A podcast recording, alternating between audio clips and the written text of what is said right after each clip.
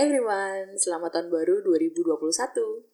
Ini kayaknya ya tahun baru paling ditunggu-tunggu sepanjang sejarah manusia modern ya. Setelah 2020 yang traumatis nih, 2021 tuh kayak kita membuka lembaran baru gitu.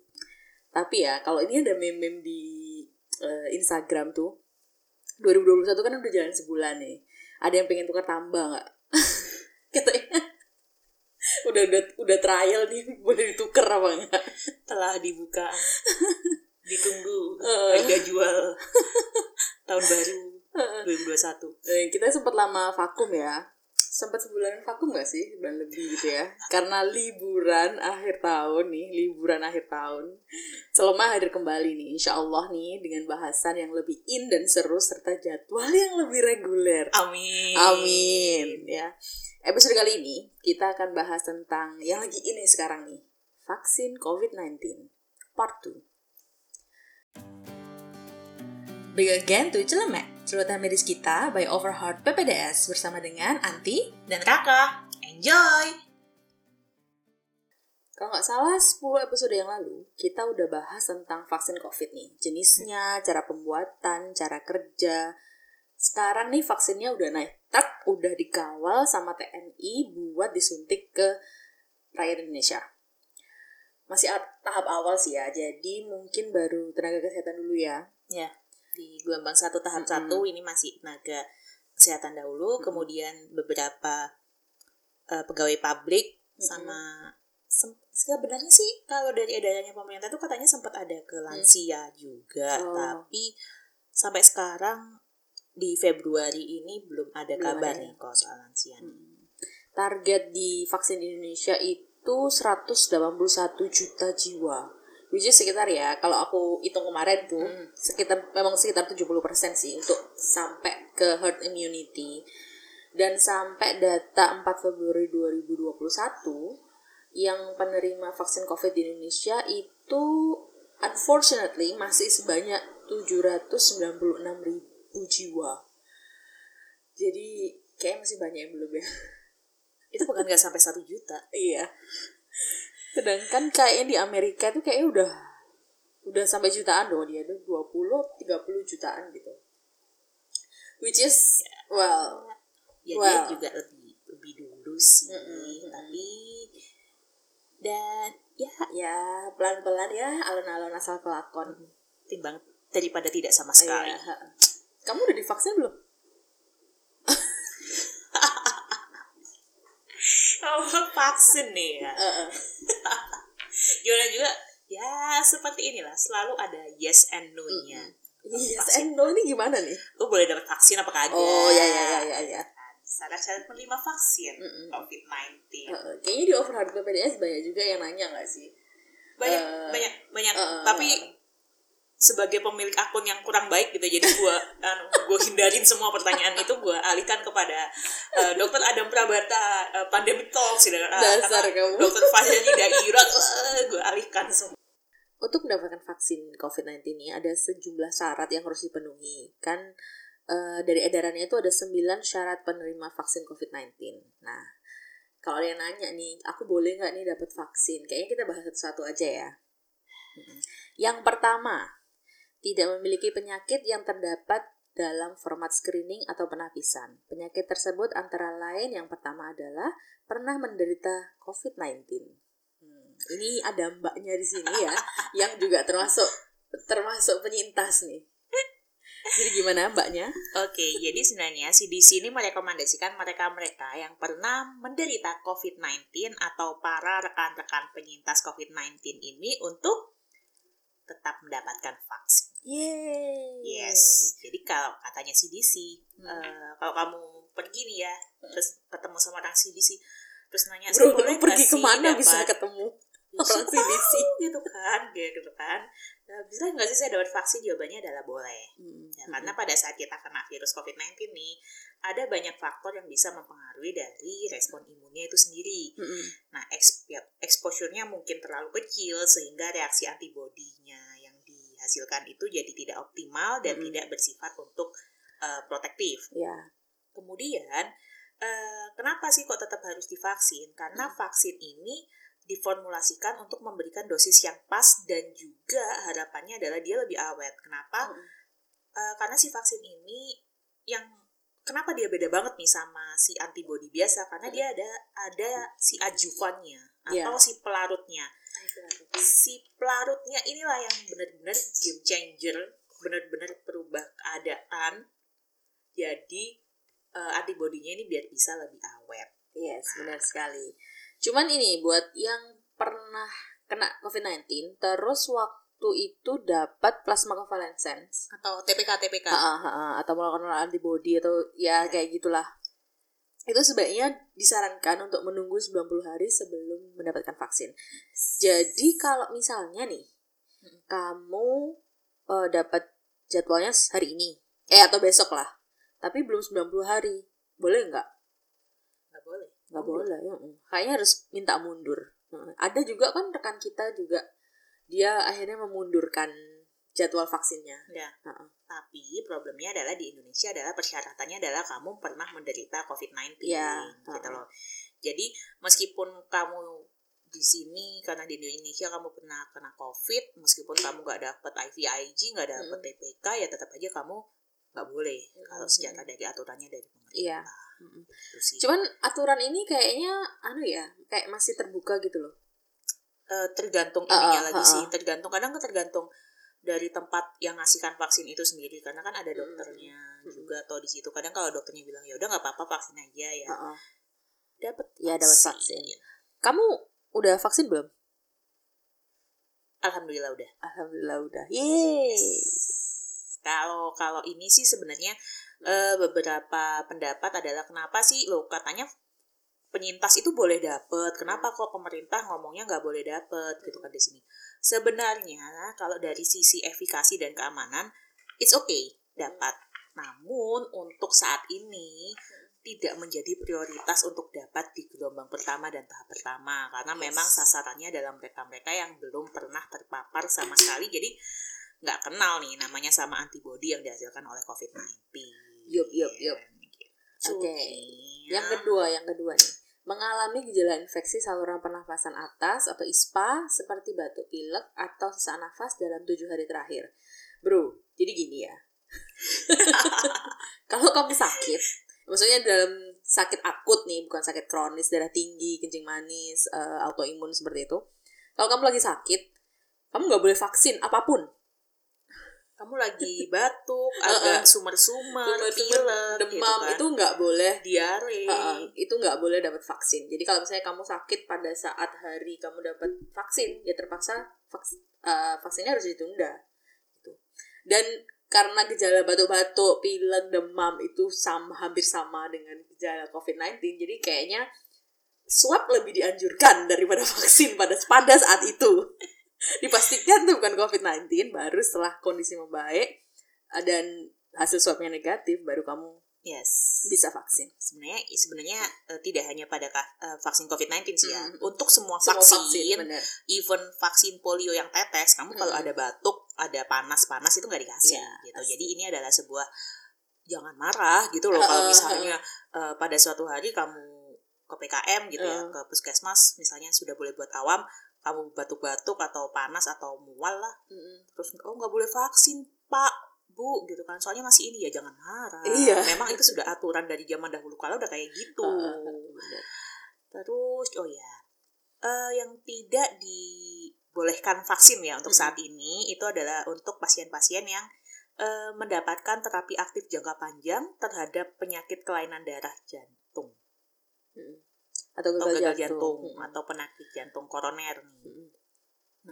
Ini tuh sumbernya dari American Heart Association atau AHA. Sarannya dia adalah untuk pasien yang menderita penyakit jantung eh, ini mengingat Mendapatkan infeksi eh, Mm, mendapatkan vaksin iya jadi mengingat jadi eh, pemberian vaksin itu kan harus ditimbang positif dan negatifnya lebih banyak eh, positifnya apa enggak kalau dikasih vaksin Mm.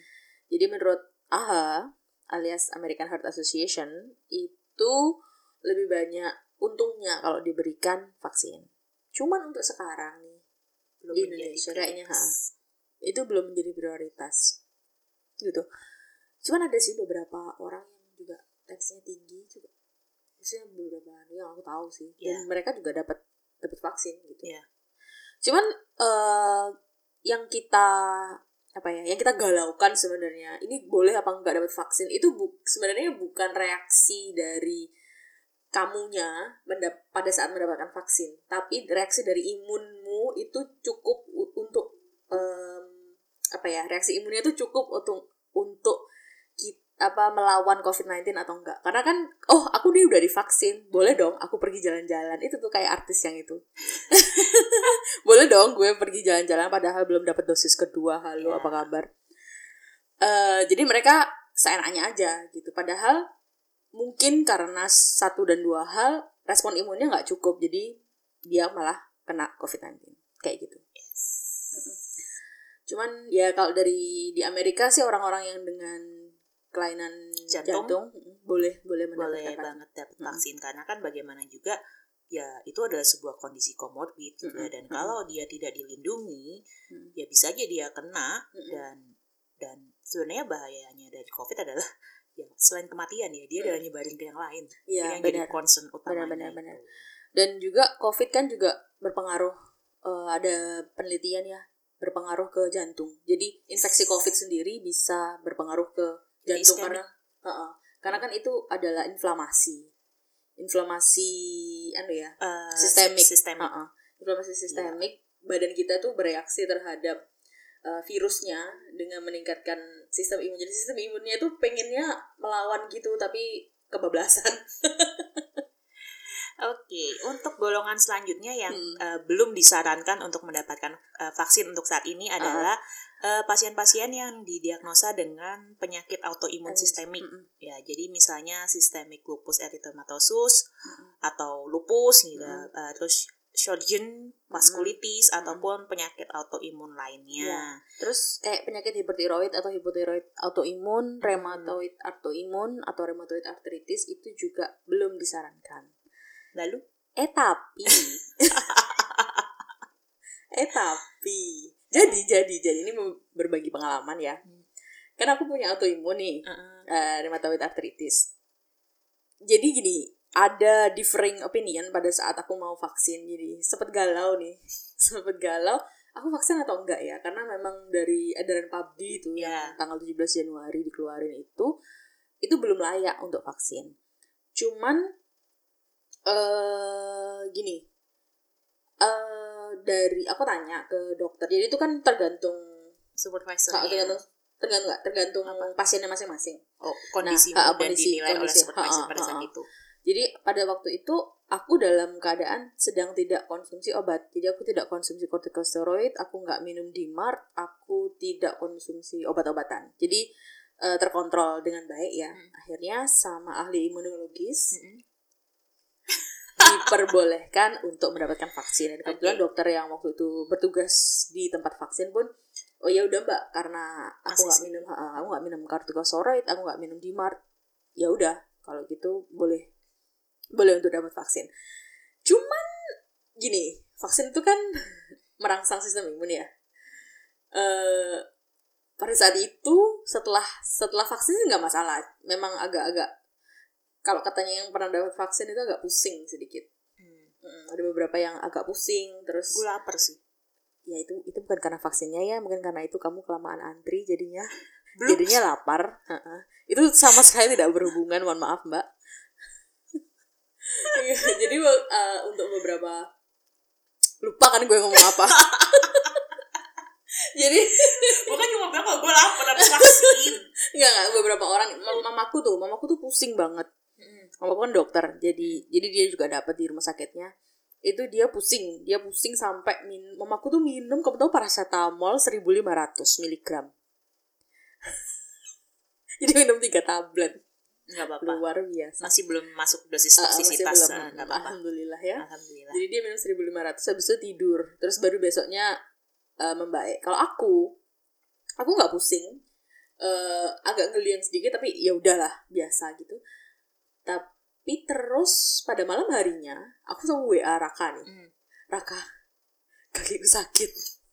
Dia tiba-tiba bilang deh, kakak kaki sakit. sendiku sakit semua. Terus lanjutannya, Mampus aku. Rasanya kayak flare gue dalam hati kayak mampus terus terus udah udah kayak kayak ya kayak awal-awal dulu gitu loh. Waktu waktu awal-awal aku flare itu Hmm. ya sama hampir sama kayak gitu. Cuman nggak demam cuman nggak demam. Kalau dulu demam kan. Hmm. dulu aku demam sampai 39 gitu. Waktu kemarin ini enggak terus ya udah aku tidur besoknya udah udah mereda sih. Pagi itu bangun nggak? Nggak maksudnya nggak ada kaku nggak ada apa ah gitu? tetap kalau pagi konsisten bangun ya kamu lakunya. konsisten itu. I mean anu konsisten. in- intensitasnya berat lebih berat nggak daripada sebelumnya? Atau ya udah? Enggak enggak sama. Tapi masih nyeri? Eh, I mean uh, kaku dan nyeri itu adalah sebuah Ah, ah. oh enggak enggak enggak nyeri. Oh ya berarti tapi kaku kembali seperti semula kan ya Like, kembali seperti kayak baseline itu nah, baseline-nya ya udah Cuman itu jadi membuatku agak galau gitu untuk dosis kedua kan. tanggal Tanggal 8. ya udah mari kita berdoa ya teman-teman. Ya, Terus aku begini, aduh waktu sakit itu apa aku minum kortikosteroid terus aku lah aku kan habis vaksin. Masa minum kortikosteroid sama aja bohong. teruskan sis. Jadi eh, belum ada rekomendasi sih ya kalau untuk apa autoimun ini karena clinical trial yang diuji cobakan ini kan cuma setahun ya istilahnya Hmm. bikin vaksin ini kayak celing gitu terus bikin gitu kan itu eh, untuk mereka-mereka yang sehat jadi respon imunnya dibandingkan normal kan pasti akan kuat berbeda eh, ya biasa standar Ah, ah, ah, ah. Cuman ya yang kita takutkan itu ya, respon imun. Jadi kalau aku pun sudah mendapatkan vaksin, meskipun aku sudah mendapatkan vaksin dua kali, tetap aja eh, nggak boleh apa meleng dari protokol kesehatan sih. Ah. apalagi karena aku sudah dapat vaksin, otomatis aku bisa masuk RIK kan. Nah otomatis aku juga nggak nggak bisa meleng, belum bisa meleng. RIK dan IGD, bro. aku pengen komen tapi ya udahlah Eh, kemudian adalah yang yang ini adalah eh, pasien-pasien dengan penyakit ginjal kronis Hmm. atau sedang menjalani hemodialisis Mm-mm. atau dialisis baik eh, yang peritoneal atau transplantasi ginjal atau sindroma nefrotik yang masih memakai kortikosteroid. Hmm. Eh sebenarnya sih kalau itu nggak boleh ya kalau di edarannya kemarin itu nggak Iya. boleh. Tapi sebenarnya sebagian besar dokter-dokter ini lebih setuju kalau vaksin ini akan sangat benefit pada pasien-pasien Mm-mm. dengan penyakit ginjal kronis di staging apa pun. Iya. Baik ya, mau itu stage 1, stage 2, Mm-mm. stage 4, Mm-mm. dialisis ataupun dia transplant ginjal Mm-mm. sebenarnya itu lebih ini ya eh, nggak apa-apa toh dikasihkan Oh, oh, oh, gitu loh oh, oh. sebenarnya gitu tapi eh, problem yang selanjutnya lagi adalah vaksin yang saat ini kita gunakan adalah Sinovac Mm-mm. nah, nah ini dia tuh belum punya penelitian yang membuktikan eh, Keamanan vaksinnya itu. keamanannya pada Hmm. pasien-pasien dengan gangguan ginjal Jadi, sebenarnya mungkin bukannya nggak boleh ya, cuma di hold dulu jadi, ya. ya di hold. Mungkin ya itu belum direkomendasikan, belum tidak diprioritaskan. Mm-mm. belum diprioritaskan untuk saat ini gitu Mm. jadi memang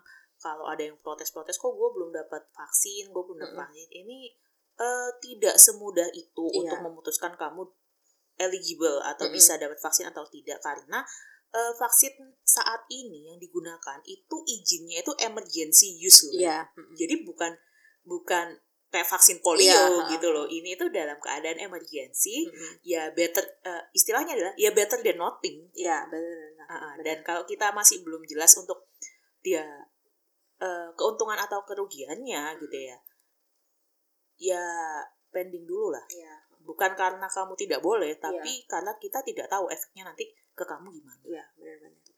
Terus ini penyakit saluran pencernaan kronis, misalnya Crohn's disease. eh, sayangnya belum ada sih ya yang eh, rekomendasi ha, rekomendasi untuk untuk divaksin. Mm-mm. Apalagi kan pasien-pasien dengan Crohn's disease, eh, penyakit-penyakit gastrointestinal ha, itu kan biasanya kebanyakan menggunakan corticosteroid, which is akan supresi, Supresi dari sistem imun, imun. ha, ha. which is ya kamu kan dikasih vaksin supaya sistem imunnya bekerja, Mm-mm. terus kamu minum corticosteroid itu kan Itu sama aja. adalah hal yang kontraproduktif ya. kemudian juga untuk pasien-pasien eh, yang jadi perhatian sebenarnya Mm. bukan ini kalau yang ini bukan strict nggak boleh sih ya Mm-mm. tapi memang ada kategori tertentu yaitu Mm. pasien-pasien dengan kanker kelainan darah eh, defisiensi imun ataupun sep- seperti HIV gitu Mm. ya dan juga penerima uh, transfusi. Jadi biasanya pasien-pasien yang talasemi ataupun dengan myelodysplastic syndrome hmm. yang dia sudah sering ke, mungkin kalau jenisnya anemia dia sering banget anemia anemia hmm. gitu ya. Nah, uh, PABDI sendiri perhimpunan penyakit dalam Indonesia gitu ya. Untuk pasien kanker uh, menurut organisasi penyakit dalam Indonesia ini uh, mereka ini boleh mendapatkan vaksin dengan syarat pasien ini sudah remisi komplit. Jadi remisi komplit itu uh, sudah tidak didapatkan tanda-tanda kanker lagi yes. dan sudah tidak kambuh hmm. kanker itu. Uh, sudah dan terus setelah operasi itu juga sudah remisi, kemudian pasiennya itu dengan status imunnya baik. Hmm. Status imun baik ini gimana? Berarti satu pasien tidak sakit gitu ya, hmm. tidak ada demam, tidak ada apa dan juga kadang-kadang uh, ada tidak ada penurunan berat badan secara signifikan selama belakangan yang tidak di harapkan. Hmm. Jadi ya kalau kamu memang program diet gitu ya kamu memang intensional kan ya.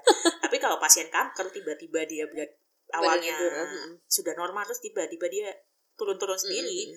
Yang kita takutkan adalah mungkin ada kanker baru. Iya. Nah, hmm. gitu loh dan berat badan itu sebenarnya uh, termasuk parameter yang cukup mudah kita dapatkan untuk melihat apakah status penyakit pasien itu aktif atau tidak. Hmm. Kayak gitu. Kemudian kalau misalnya pasien itu dengan kemoterapi, nah setidaknya sudah menyelesaikan 6 bulan kemoterapi sistemik aktif. Gitu. Ini itu ya, uh, ada vaksin yang boleh, ada yang nggak boleh. Yang disarankan itu adalah yang inactivated vaksin, yaitu hmm. vaksin Sinovac. Jadi kalau uh, ini kan beras apa kalau dari apa tuh American Cancer Society, di sana kan mereka pakai Pfizer ya Pfizer, Pfizer sama, Moderna, sama Moderna yang dari mRNA. Mm -mm, itu mRNA itu mereka belum memasukkan uh, pasien kanker untuk menerima vaksin sampai sekarang karena memang kalau dari PABDI itu yang disarankan adalah uh, vaksin yang uh, inactivated yaitu yang Sinopharm, Sinovac itu hmm. yang dari Cina. Ya, itu basisnya adalah karena memang uh, sebenarnya kan ini bukan vaksin pertama yang diberikan mm. kepada man, uh, mm, masyarakat kan pada manusia ya baru mm. mungkin vaksin massal untuk seluruh usia produktif mungkin memang baru ini mm. gitu ya karena kan yang dulu massal kan polio gitu mm. kan nah uh, pertimbangannya adalah kalau orang dengan riwayat kanker atau mm. apa kalau dulu mm. basisnya ya memang mereka bolehnya kalau yang inactivated virus mm. jadi berangkat dari uh, ketentuan yang dulu-dulu dan memang tingkat efektivitasnya cukup mm. tapi efek uh, efek sampingnya negatif eh, apa efek sampingnya minimal, minimal ya itu memang dengan jenis vaksin yang inactivated mm. kayak gitu sih jadi bas basisnya tuh kayak gitu bukan mm. bukan semena-mena wah ini nanti biasa kan orang-orang ini wah ini konspirasi nih oh, cuma apa dukung Cina. Kagak cuy. Kalau misalnya kalau misalnya Amerika bikinnya in, inactivated vaksin uh, uh. gitu ya dibolehin. Iya dibolehin saking aja dia bikinnya mRNA. Iya terus ini nih uh, yang sering ditanya nih gimana kalau orang hamil dan menyusui ada ya ha, di Amerika itu ada dari artikel yang aku baca hmm. ada sepuluh ribu wanita hamil dan menyusui yang sudah diberikan vaksin COVID-19 jadi mereka mereka hmm. yang di garda depan ya yang memang di fase satu uh, tenaga medis orang-orang yang bekerja di ya garda depan lah hmm, yang, itu yang di rumah sakit dan fasilitas uh, kesehatan uh, uh, di itu Amerika. dia itu mereka yang hamil juga diberikan vaksin COVID-19 dengan pertimbangan yaitu tadi lebih banyak untungnya daripada ruginya kalau dikasih vaksin gitu. Dan itu vaksin yang dipakai itu vaksin mRNA merek Moderna dan Pfizer itu. Secara umum vaks selama vaksin itu nggak mengandung kuman yang dilemahkan uh, itu aman untuk ibu hamil dan menyusui secara umum. Jadi kayak vaksin-vaksin apa ya tetanus, tetanus uh, itu itu itu aman untuk HPV uh, itu aman oh, buat enggak HPV before enggak. HPV hmm. before sorry. Uh, itu tuh aman untuk ibu-ibu yang hamil, hamil. Ha -ha. jadi sebenarnya kalau kita ditanya ya vaksin-vaksin Pfizer, Sinopharm, Sinovac itu ya harusnya aman gitu. Kita uh, again tapi basis yang dilakukan ini bukan uh, berdasarkan pengalaman, nggak sih? Berdasarkan Hmm. track record Iya, gitu loh. Jadi ha-ha. biasanya kalau vaksin yang inactivated kita berikan kepada pasien gini Hmm. itu aman gitu. Hmm. Tapi kita tidak secara spesifik mengatakan bahwa kalau golongannya Sinovac, eh Sinovac kayak Hmm. apa eh, Pfizer, Moderna itu pasti aman tidak Hmm. karena eh, sebenarnya untuk uji klinisnya sendiri untuk mereka belum ada Iya. yang menyertakan eh, wanita-wanita hamil dan menyusui Iya. kayak gitu. Mungkin ini sekalian dikasih vaksin juga sekalian Hmm.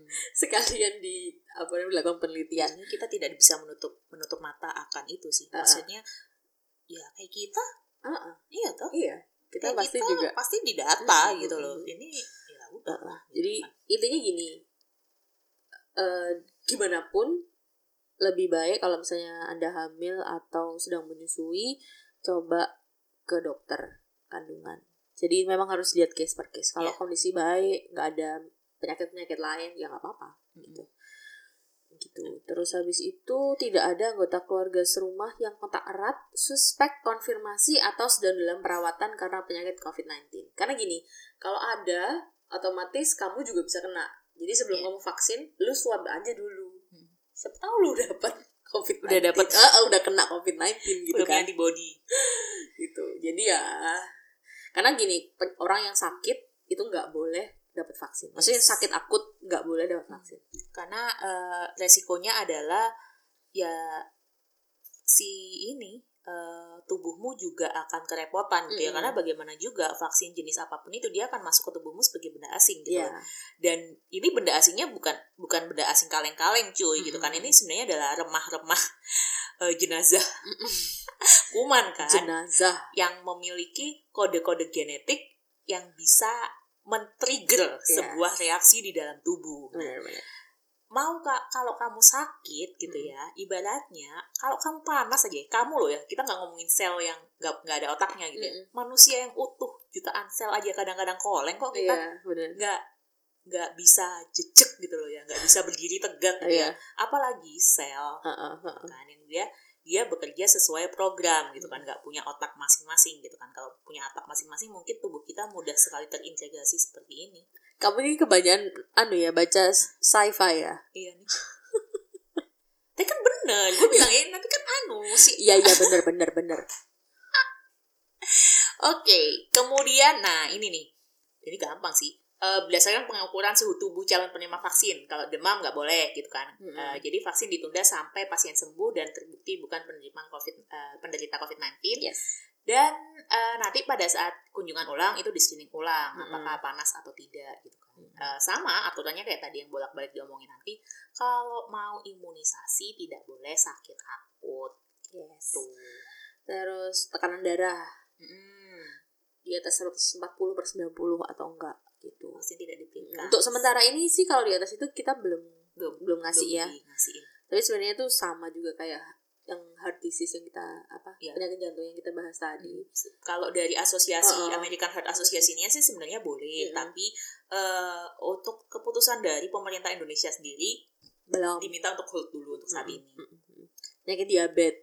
Yes. Ada ada syaratnya kalau eh anu diabetes ya. HbA1c di bawah. Di bawah dari 7,5 persen. Jadi kalau misalnya eh, kamu atau kerabatmu adalah eh, pasien dia dengan kencing manis lama, gitu ya. biasanya kita tiap tiga bulan tuh kita akan periksa A1C. Mm-mm.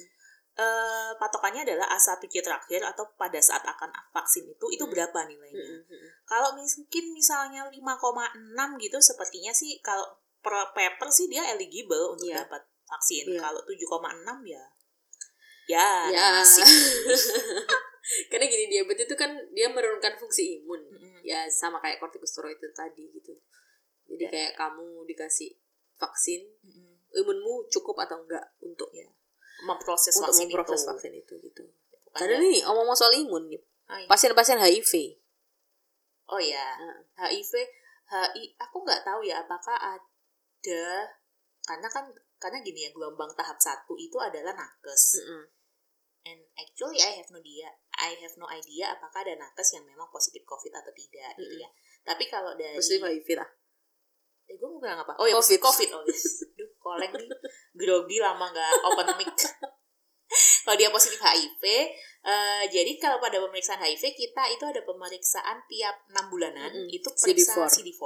Nah, CD4 ini apa sih? CD4 ini sebenarnya adalah kumpulan tentara, tentara oh iya, tentara, udah kumpulan tentara di dalam tubuhmu yang tugasnya itu memerangi kuman. kuman Nah. juga salah satu apa anggota sel darah putih gitu Ah, jadi itulah. Jadi satu satu keluarga Ah, gitu, tapi yang ini eh, satu company sendiri ini namanya Iya. pasukannya pasukan CD4. gitu. Heeh. Kalau jumlahnya CD4 ini kurang dari 200, Mm-mm. maka kamu nggak boleh dapat vaksinasi. ya Tapi kalau misalnya jumlah CD4-nya dia lebih dari 200, maka Hmm. kamu eligible untuk dilakukan vak- vaksinasi. ya Meskipun jujur kalau saya pribadi di lapangan Mm. belum nemu karena Iya. ini masih nakes kan. Iya, ini masih nakes. Cuman ya ini kalau orang-orang HIV dan mereka kan memang vulnerable ya untuk Yes, COVID-19. Yes. Ya, ini benar-benar case per case sih. Jadi memang harus dicek CD4-nya dan kondisi umum pada saat Mm-mm. itu. Gitu kan ada kan pasien HIV yang ya baik-baik aja sama seperti Iya. orang biasa. Mm. Ada ada juga yang tidak baik-baik saja. Dan Gitu. dan ini sih ya beberapa case yang eh, sempat kita bahas pada waktu aku kemarin di divisi alergi. Mm-mm. HIV ini benar-benar tidak bisa diprediksi. Jadi Mm-mm. ada pasien HIV aku belum pernah cerita bukan sih belum jadi pasien itu HIV CD4-nya itu masih 100 di atas 100 ya Mm. tidak tidak tinggi tinggi banget gitu kan ya terus dia kena covid ada lagi pasien HIV CD4-nya itu cuma 4 Mm. 4 biji loh ya bukan 400 Mm. bukan 40 empat satu dua tiga empat Yes, 4 biji dan keduanya ini sama-sama gagal nafas. Maksudnya secara klinis sama-sama awalnya itu berangkat dalam keadaan yang tidak oke-oke banget. Eh bahkan katanya eh, lebih bagus yang si CD4-nya lebih seratusan itu. Heeh. Tapi namanya umur itu pasti apa kata Gusti Allah kan ya. Heeh.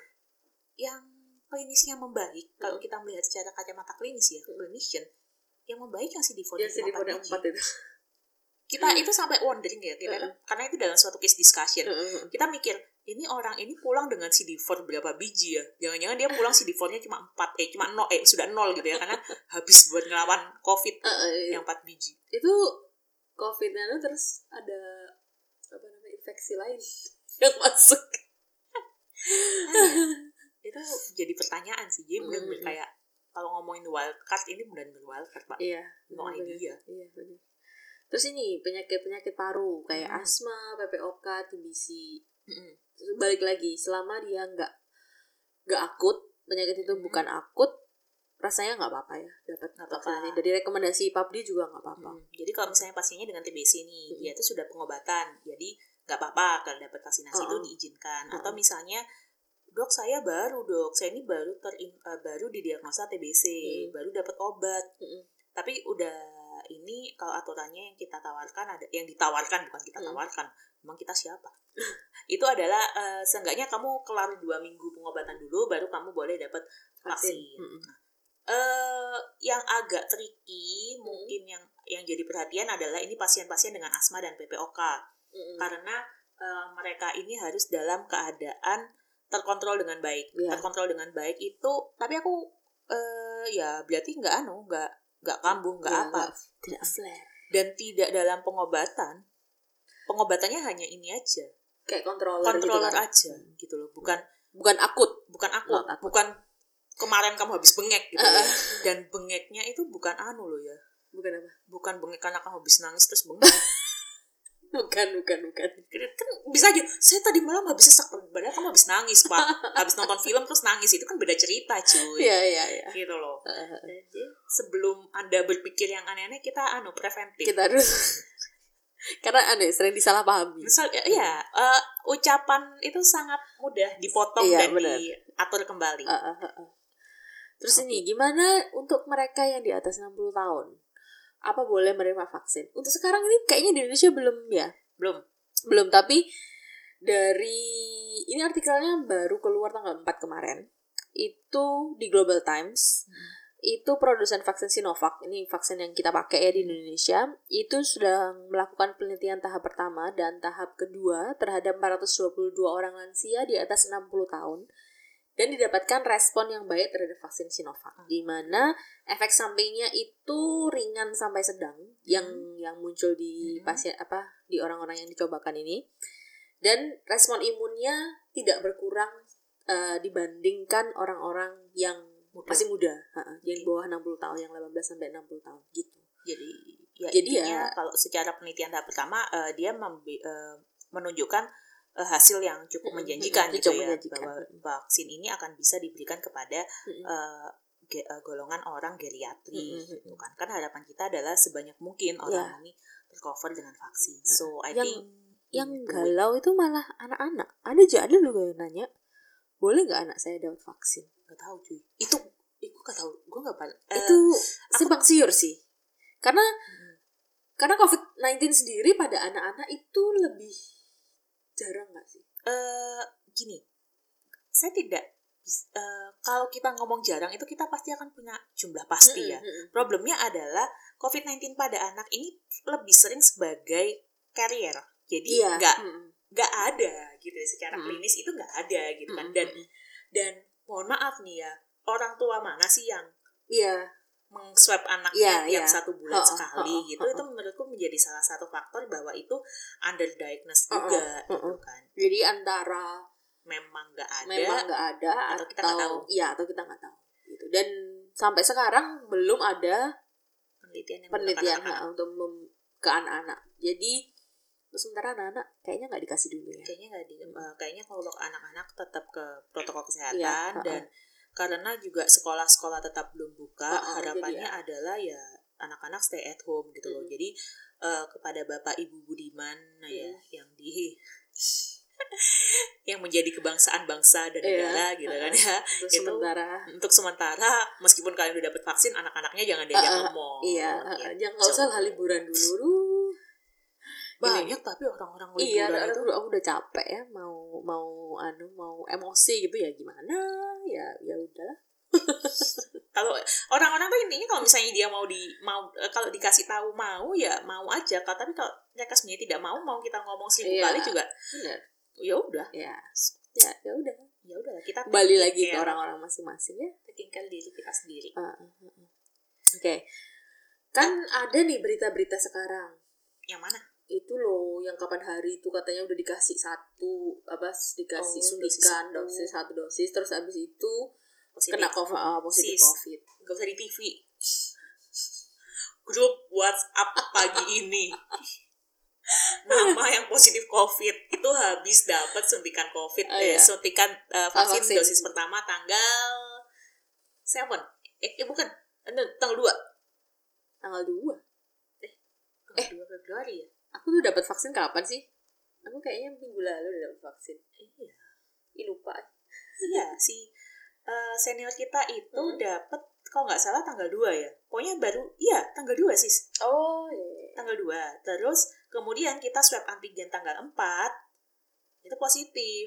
Di PCR kemarin hasilnya positif. Oh. Nah terus itulah kan yang sempat jadi eh, pertanyaan lu kan udah vaksin kok Eh, masih bisa positif COVID-19 well seperti yang gue pernah post di overhead PPDS adalah this is science man. This is not ilmu dukun gitu kan ah, ah, ah.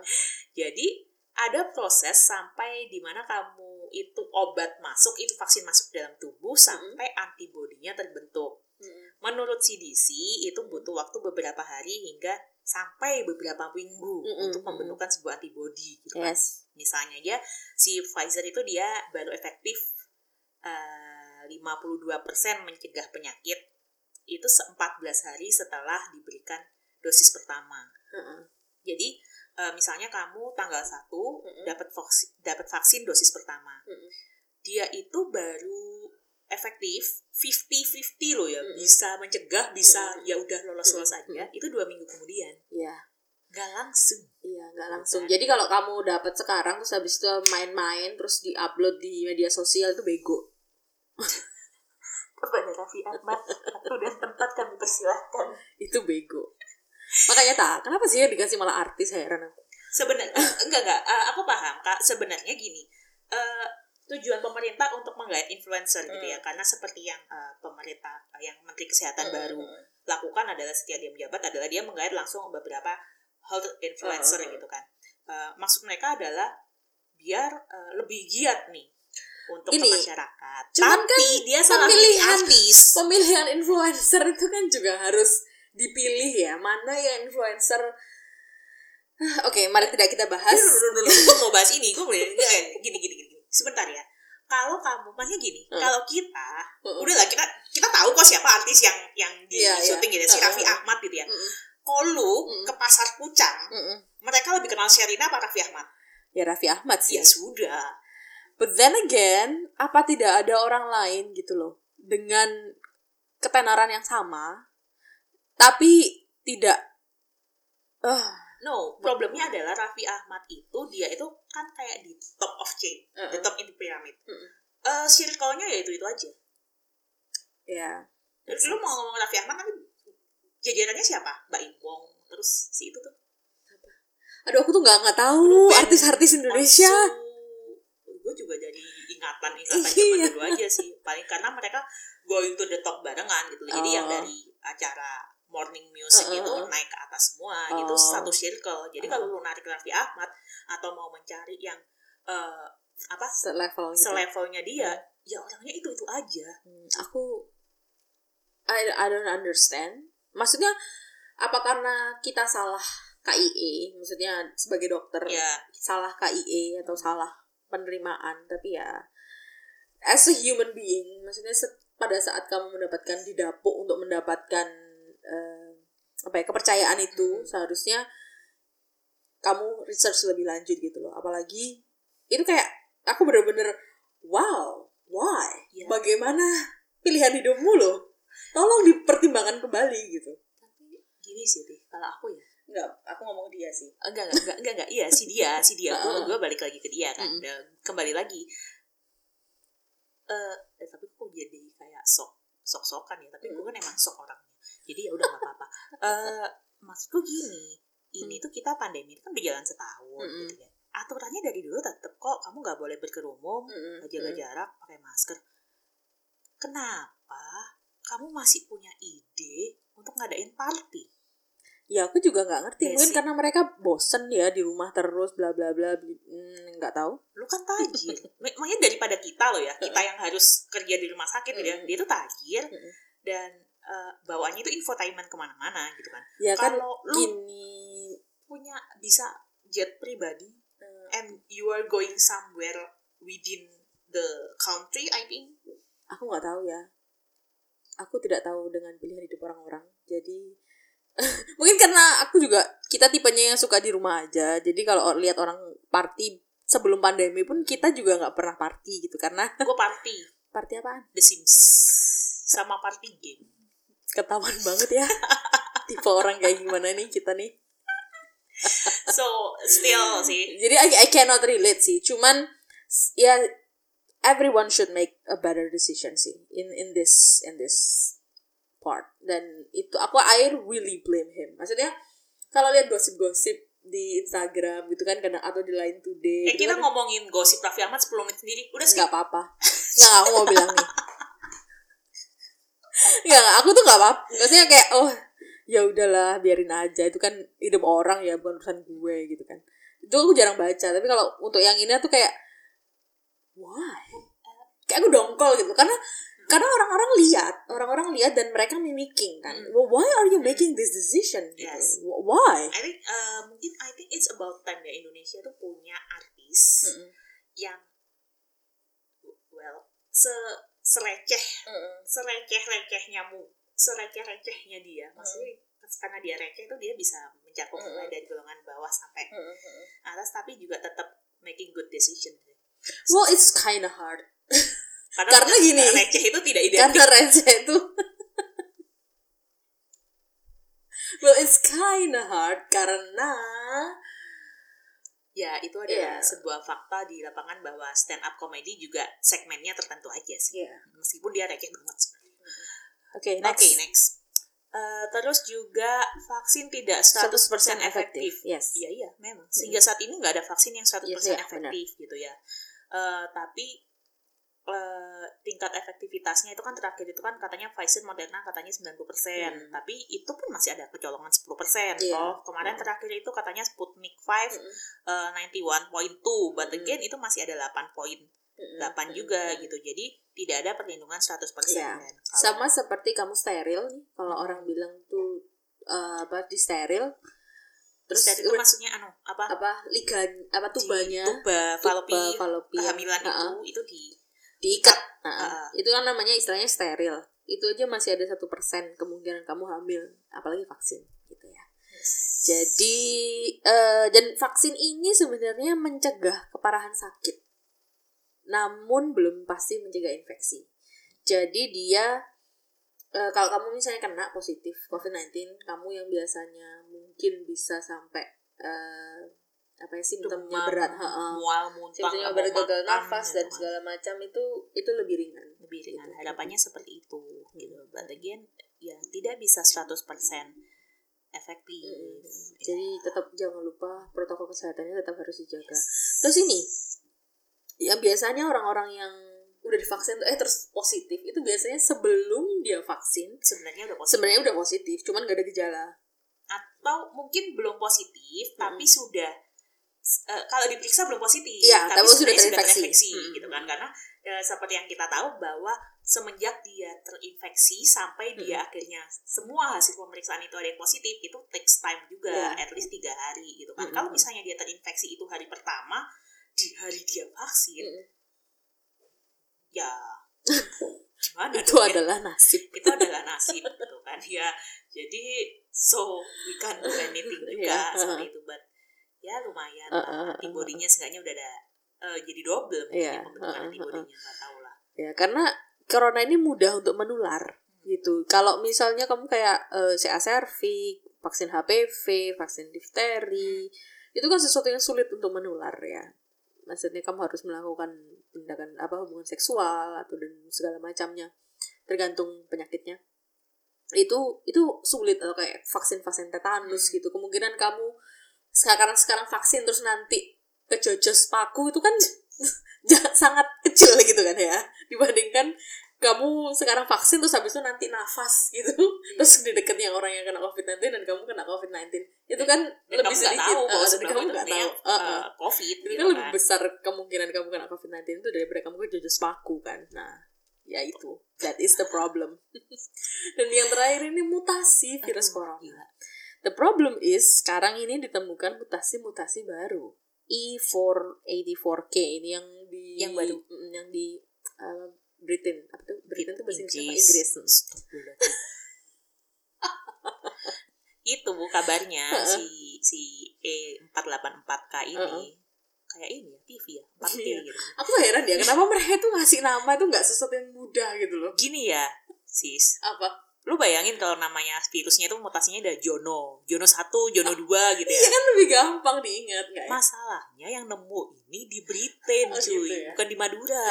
Baiklah. Gitu kan? Nah itu itu kabarnya dia itu dapat lolos dari perlindungan antibodi. Mm-mm. jadi ibaratnya gini jadi si kalau antibodi ini kita eh eh, bayangkan sebagai dia sebuah pagar ya. Mm-mm. kalau pagar karena kita ngomongnya tadi perlindungannya nggak bisa 100% gitu berarti kan kita anggapannya itu pagar yang terbuat dari teralis-teralis itu nah Hmm. misalnya berjaraknya biasanya jaraknya 10 sentian deh Mm. ternyata si E484K ini jaraknya dia eh, 5 cm Mm. nah kan dia lebih kecil tuh daripada Jadi jarak pagarnya Cerut gitu jadi bisa masuk masuk gitu Nah, Cering. terus gitu. dia dengan ACE apa namanya reseptor ACE di Uh-uh. kita Terus aku Gitu. juga kemarin baca sih. Jadi Hmm. kemarin aku katanya sih asalnya dari Britain juga, tapi aku lupa apakah ini jenis varian mutasi yang sama atau enggak. Jadi dia itu yang mutasi adalah S-spike-nya. oh iya iya Ya, Ha-ha, jadi ha-ha. dia tidak bisa eh, pakai PCR itu Iya. tidak terdeteksi, tapi eh, untungnya PCR yang saat ini kita gunakan dia mendeteksi tiga bagian virus. Jadi mulai dari Hmm. eh, spike, nucleocapsid, and nucleoside or something, pokoknya Oh. eh, SNA gitu ya Ha-ha. si spike-nya itu tidak terdetek, tapi dia Hmm. tetap terdetek di N sama di E. Itu sempat bikin kaget. wow Eh, makanya terus WHO ini kemarin tuh kabarnya Hmm. dia juga hendak mengupdate dari PCR-nya itu. Hmm. Dan gua nggak tahu nih kalau kita ngupdate PCR, Hmm. apakah kita akan ibaratnya ganti cartridge ya atau ini ganti mesin? wah itu kalau ganti cartridge sih nggak apa-apa ya kayak isi ulangnya itu nggak apa-apa ganti mesin itu masalah bro ya apakah ganti reagen atau apa kan mungkin masih- Enggak, dan masalahnya ini kan SARS-CoV-2 ini itu sama kayak virus flu. Iya. Iya, Dan dan kamu gampang iya dan mutasinya gampang karena dia RNA. Kemudian masalahnya adalah flu itu kenapa vaksin flu kamu dilakukan setiap tahun? Karena virus flu itu mudah untuk mutasi. Iya Seperti kita bahas di episode yang lalu itu kan ya. yang sebelum Heeh, yang sulit untuk mendap membuat apa vaksin vaksin dari eh, SARS-CoV-2 ini Iya. si COVID-19 Mm-mm. itu karena mudah untuk mutasi. dia mudah mutasi Ah. dan eh, ada lagi sih pertanyaan yang kapan hari itu juga eh, muncul adalah eh, dok kalau saya sudah vaksin ini ini kan eh, apakah kita berarti bisa kebal ya nggak 100% tapi Mm-mm. om anggap eh, apakah bi- kita bisa kebal dengan seluruh jenis eh, virus SARS-CoV Mm-mm. enggak Enggak. enggak karena mutasi ini terus berjalan gitu Iya. otomatis kita pasti cepat atau lambat kita harus mengupdate vaksin Iya. kita Ah, gitu Dan aku juga nggak setuju sih sama ke- sama keputusan menteri yang bilang bahwa kamu dapat dapat apa namanya sertifikat. Ya, kamu dapat sertifikat kemudian kamu boleh no pergi ke mana pun no se seenakmu. Itu tuh aku sangat Loh, kamu belum tahu ini vaksin ini ber- berfungsi atau enggak. Iya. Bisa aja ini adalah massive massive bisa apa ya? saja sebenarnya virus ini lebih pintar daripada kamu dan dia uh, Heeh, ada punya heeh. konferensi harian gitu. jadi Enggak, enggak ini adalah massive apa ya? failure. Enggak. Iya. Aku tidak tidak berharap itu sih. Cuman tapi ya kita tidak tidak ya, jadi gini kalau kita No. Me- membandingkan Mm-mm. laju dari perkembangan vaksin dan juga laju penyuntikan vaksin Mm. lalu kamu akumulas akumulasikan dengan uh, waktu yang dibutuhkan untuk pembentukan antibodi Mm-mm. kayaknya kita kalah cepat dengan uh, waktu yang dibutuhkan untuk virus itu mutasi iya, gitu Iya. Jadi kalau kamu udah meskipun kamu dapat vaksin dan kamu Mm-mm. tetap pergi ke mana pun dengan modal sertifikat itu, that's itu stupid. kayak kamu pergi ke perang nih. Kamu perangnya masih berlangsung. Cuman karena kamu menurutmu nih kamu udah aku udah aneh. Kan kalau di perang tuh eh, apa namanya? Lu tenaga medis. Nah, enggak, tenaga medis kan nggak boleh di nggak boleh, nggak boleh di ini kan? Nggak boleh tembak. nggak boleh ditembak nih. Nah kamu merasa lo aku udah pakai ini kok tanda cross anu medis. Nggak mungkin dong aku ditembak sama orang. Men namanya perang ya ada itu namanya peluru nyasar. Nah itu tuh sama. Itu tuh sama sama kayak nih kamu udah kamu udah ngerasa divaksin terus kamu maju ke medan perang ke dunia yang masih pandemi ini aku udah divaksin kok padahal vaksinnya aja belum terus Belum tentu cocok. Oh bro, gitu kan, ya. terus kamu nggak nggak pakai masker, nggak menerapkan Protokol protokol kesehatan. kesehatan. bro. No, no, no, no, no. That's it. Ya begitulah. Jadi sebenarnya ini masih banyak. Cuman katanya nih, katanya belum ada varian baru corona yang ditemukan di Indonesia. Tapi Oh, juga Hmm, Eh, zaman dulu nih awal-awal nih juga ada bilang virus corona belum masuk tapi ternyata sudah. Jadi ya jangan terlalu percaya ya guys. kadang aku mikir siapa sih yang Enggak Ya, sih. enggak, aku gini sih, jujur aku bingung. Hmm. Eh, sebenarnya komando COVID-19 kita ini ada di siapa? Because karena gue dokter, Hmm. gue merasa ini adalah ranah eh, Kementerian Kesehatan. Mm-mm. Kalaupun ada kementerian lain yang turut serta, Hmm. dia harus di bawah Kementerian Kesehatan. Mm-mm. Bukan berarti kementerian itu turun tahta, gitu. Iya, enggak. Tapi loh komandonya ini Kementerian Iya. Kesehatan, jadi kamu harus ngikut komandonya dari Kementerian Kesehatan. Mm. Kagak cuy, ini tuh mereka tuh kayak oh ya dari bagian ini inovasi ini, bagian ini inovasi ini. Terus juga ah, gue jarang mengkritisi presiden kita Mm-mm. sih ya. Gue heran kok Mm. Kok kamu nggak ada komando sih? Gue nggak tahu sih. I mean tidak ada yang dia laku komando yang selama ini dia Mm. lakukan. Menurutku itu tidak efektif Iya. sama sekali. Iya. Gitu. Eh, Dan ada sebuah pernyataan yang cukup menarik di koran. Eh, ada yang bilang adalah sekarang apa namanya pembatasan sosial. Kemarin dulu kan PSBB, Hmm. sekarang itu kan pembatasan. Gue nggak tahu sampai pokoknya pembatasan Iya, yang kali ini katanya tahu. Lebih efektif dibandingkan PSBB yang dulu. Dan itu membuatku berpikir kenapa ya, padahal kan kebijakannya sama. Ah, nggak tahu ya. Atau mungkin aku nggak tahu maksudnya tahu dia lebih efektif dari mana? Positif rate yang turun Ada tapi kan persingat kan naik terus perasaan naik naik jumlah pasien juga kayaknya tambah naik jumlah ang- angka kesembuhan mungkin positif tapi aku capek ngurusin kayak gitu oke kalau kalian tenaga kesehatan terus sampai saat ini belum vaksin Mm-mm. ya vaksin Ra. di bawah ya segera mendaftarkan vaksin COVID-19 ya. gimana caranya paling mudah adalah dengan menghubungi PKM terdekat Ya. so dan atau dinkes Mm-mm. atau tempat kamu bekerja Mm-mm. kalau kamu waktu itu over PPDS sudah bahas ya kalau kamu misalnya eh, PPDS atau kamu ini kamu lapor ke fakultas atau ke instansinya gitu ya dan nggak usah nungguin SMS blast karena Iya. itu sudah mandek sejak zaman Januari Iya, udah. So- rasanya udah nggak ada. Cuman kalau kamu udah dapat vaksin, kamu ntar di SMS. Ya, Vaksin kedua kapan? Gitu. Waktunya vaksin kedua kapan Oh, oh. gitu kan. Terus ada di websitenya di pedulilindungi.id itu juga ada aplikasinya di Peduli Lindungi itu ada di Play Store Heeh. gitu kan ya. Eh, kemudian juga banyak sih sebenarnya ada di 119 juga itu juga eh, salah satu hotline untuk eh, vaksin. Mm-mm. Jadi jangan sebuah saran sih ya sebagai orang yang kemarin juga sempat namanya tidak terdaftar di Peduli Lindungi adalah we are not waiting for it Iya. nyari heeh. sih Kamu harus nyari benar-benar. benar-benar nyari karena eh, pendapat gue dari dulu tidak berubah sistem dokumenta dokumentasi data Indonesia ini nggak bagus Hmm, gitu oke. So nggak usah nungguin SMS karena udah udah nggak ada lagi SMS-nya Mm-mm. Eh, cari. Udah langsung cari aja. Cari. Apalagi kalau kamu benar-benar berhubungan dekat ya sama pasien-pasien COVID-19. Misalnya kamu kamu di IGD, di kamu di RIK. PKM Iya, di aja. PKM. itu karena lini depan kan sebenarnya heeh. PKM itu adalah yang dia harus dia harus tetap kokoh berdiri meskipun lingkungan sekitarnya udah zona merah-merah Iya, gitu kan itu harus sih jadi segera hubungi PKM terdekat PKM nggak ada ide bisa ke dinkes Mm. Eh, harapannya pemerintah sih pengennya segera ya semua Mm. semua tenaga kesehatan Indonesia untuk segera mendapatkan vaksin Hmm. but again distribusi itu juga bukan hal yang mudah Mm, mm, mm, mm. kita kan secara geografis Agak sulit ya. sulit juga Gitu.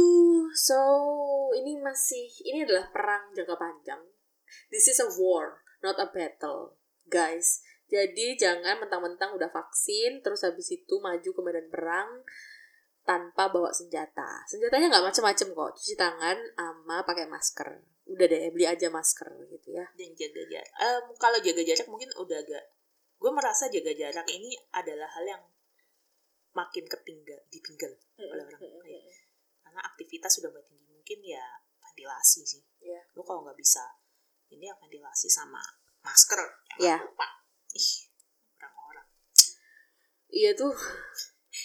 lo tau gak sih ini eh, kita udah lama nggak on air ya Uh, uh, uh. tapi gue kayak jujur membicarakan vaksin ini Uh, uh. aku kayak agak bete Kenapa? karena at some point gitu Uh, uh, gue kayak merasa give up dengan keadaan tau gak sih Iya, Eh, iya. eh, bisa gue juga ngantuk sih ya Uh-uh. gitu kan tapi eh, kayak ini udah setahun gitu kayak Uh-uh. ngeliat di jalan itu ya tetap aja orang-orang nggak pakai masker nggak ada Uh-uh, ini uh-uh. so at some ya dalam Iya. titik ini gue kayak masih ada kok orang-orang yang menyangkal bahwa COVID-19 ini ada. Well, gimana ya? Mungkin karena kita kita lihat setiap hari orang-orang yang terkena COVID-19 yang kesulitan untuk bernafas karena COVID-19. Kemudian ada orang yang tidak percaya bahwa ini tuh ada, itu sangat uh, apa eh, itu adalah di- itu di seberang ini banget kita kepercayaan kita kalau Uh, uh, katanya Agim kemarin ya orang-orang nggak percaya covid karena itu nggak kelihatan coba kalau COVID- virus covidnya segede kambing pasti lari dia bener juga sih nggak salah sih benar. kita eh, soal apa? lemahnya lemahnya manusia adalah kadang-kadang kita hanya mempercaya apa yang bisa kita lihat Mm-mm, mm-mm. wow Iya. Ya, semoga target vaksin ini segera terpenuhi ya. Pandemi Dan- segera berakhir. Segera kembali ke bentuk semula. Yang PPDS, yang mau masuk PPDS, semoga gak takut untuk masuk menjadi melamar menjadi PPDS karena jumlahnya sedikit ya. dari biasanya yang ini kan kita dari penyakit dalam Biasanya kita 20. biasanya kita 20 ini ini yang paling terakhir cuma 12 cuma 12 orang. Aku kan yang masukin biodata karena aku sekretarisnya gitu Yes, eh, gue udah gak jadi sekretaris lagi. ya bener nggak nggak dia dia nggak jadi sekretaris tapi jadi anu kamu jadi apa ya? Gue jadi anu. Lu tau gak sih ibaratnya ibu kos yang ini? Lu udah bayar lu udah bayar kosan belum bulan ini gitu. Lu udah ini bulan itu tuh gue jadi ibu kos sekarang. Ya, gue harus Serem, mem- memastikan kos kosan ini berjalan dengan baik dan benar gitu ya. Kalau nggak benar gue ini gue kick ya. Tapi cuma bagian ketik-ketik aja. Itu aku tuh kaget lihat aneh aku minta biodata dong. Berapa? Apa 12. namanya? Cuma 12 angkatanku cuma 12 padahal angkatanku aja itu. Berdoa ya angkatanmu 16 kan? 16 Ah. pak. Padahal maksudnya aku yang termasuk golongan sedikit Ah, gitu. ah, ah, kamu belum masuk golongan atas atas kan sedikit. Iya. mulai angkatanku itu 4 20 Mm-mm, mulai 20-an terus jadi 12 ya. Mau gimana lagi ya? Itu adalah nasib. Semoga anu. Semoga tidak nambah RIK lagi. kita tidak nambah RIK tolong ya tolong. Jangan. Karena gini ah, apa ya? Mau nambah ruangan itu bisa bisa. Ada. Lahan kita masih ada. ada, Ada. masih ada ruangan itu. orangnya yang nggak ada. Orangnya yang nggak ada. That is the problem. Bukan an- bukan anunya tempatnya. Orangnya yang tempatnya. nggak ada. Gitu. Jadi ya stay happy stay sane stay healthy and see you in the next episode. Bye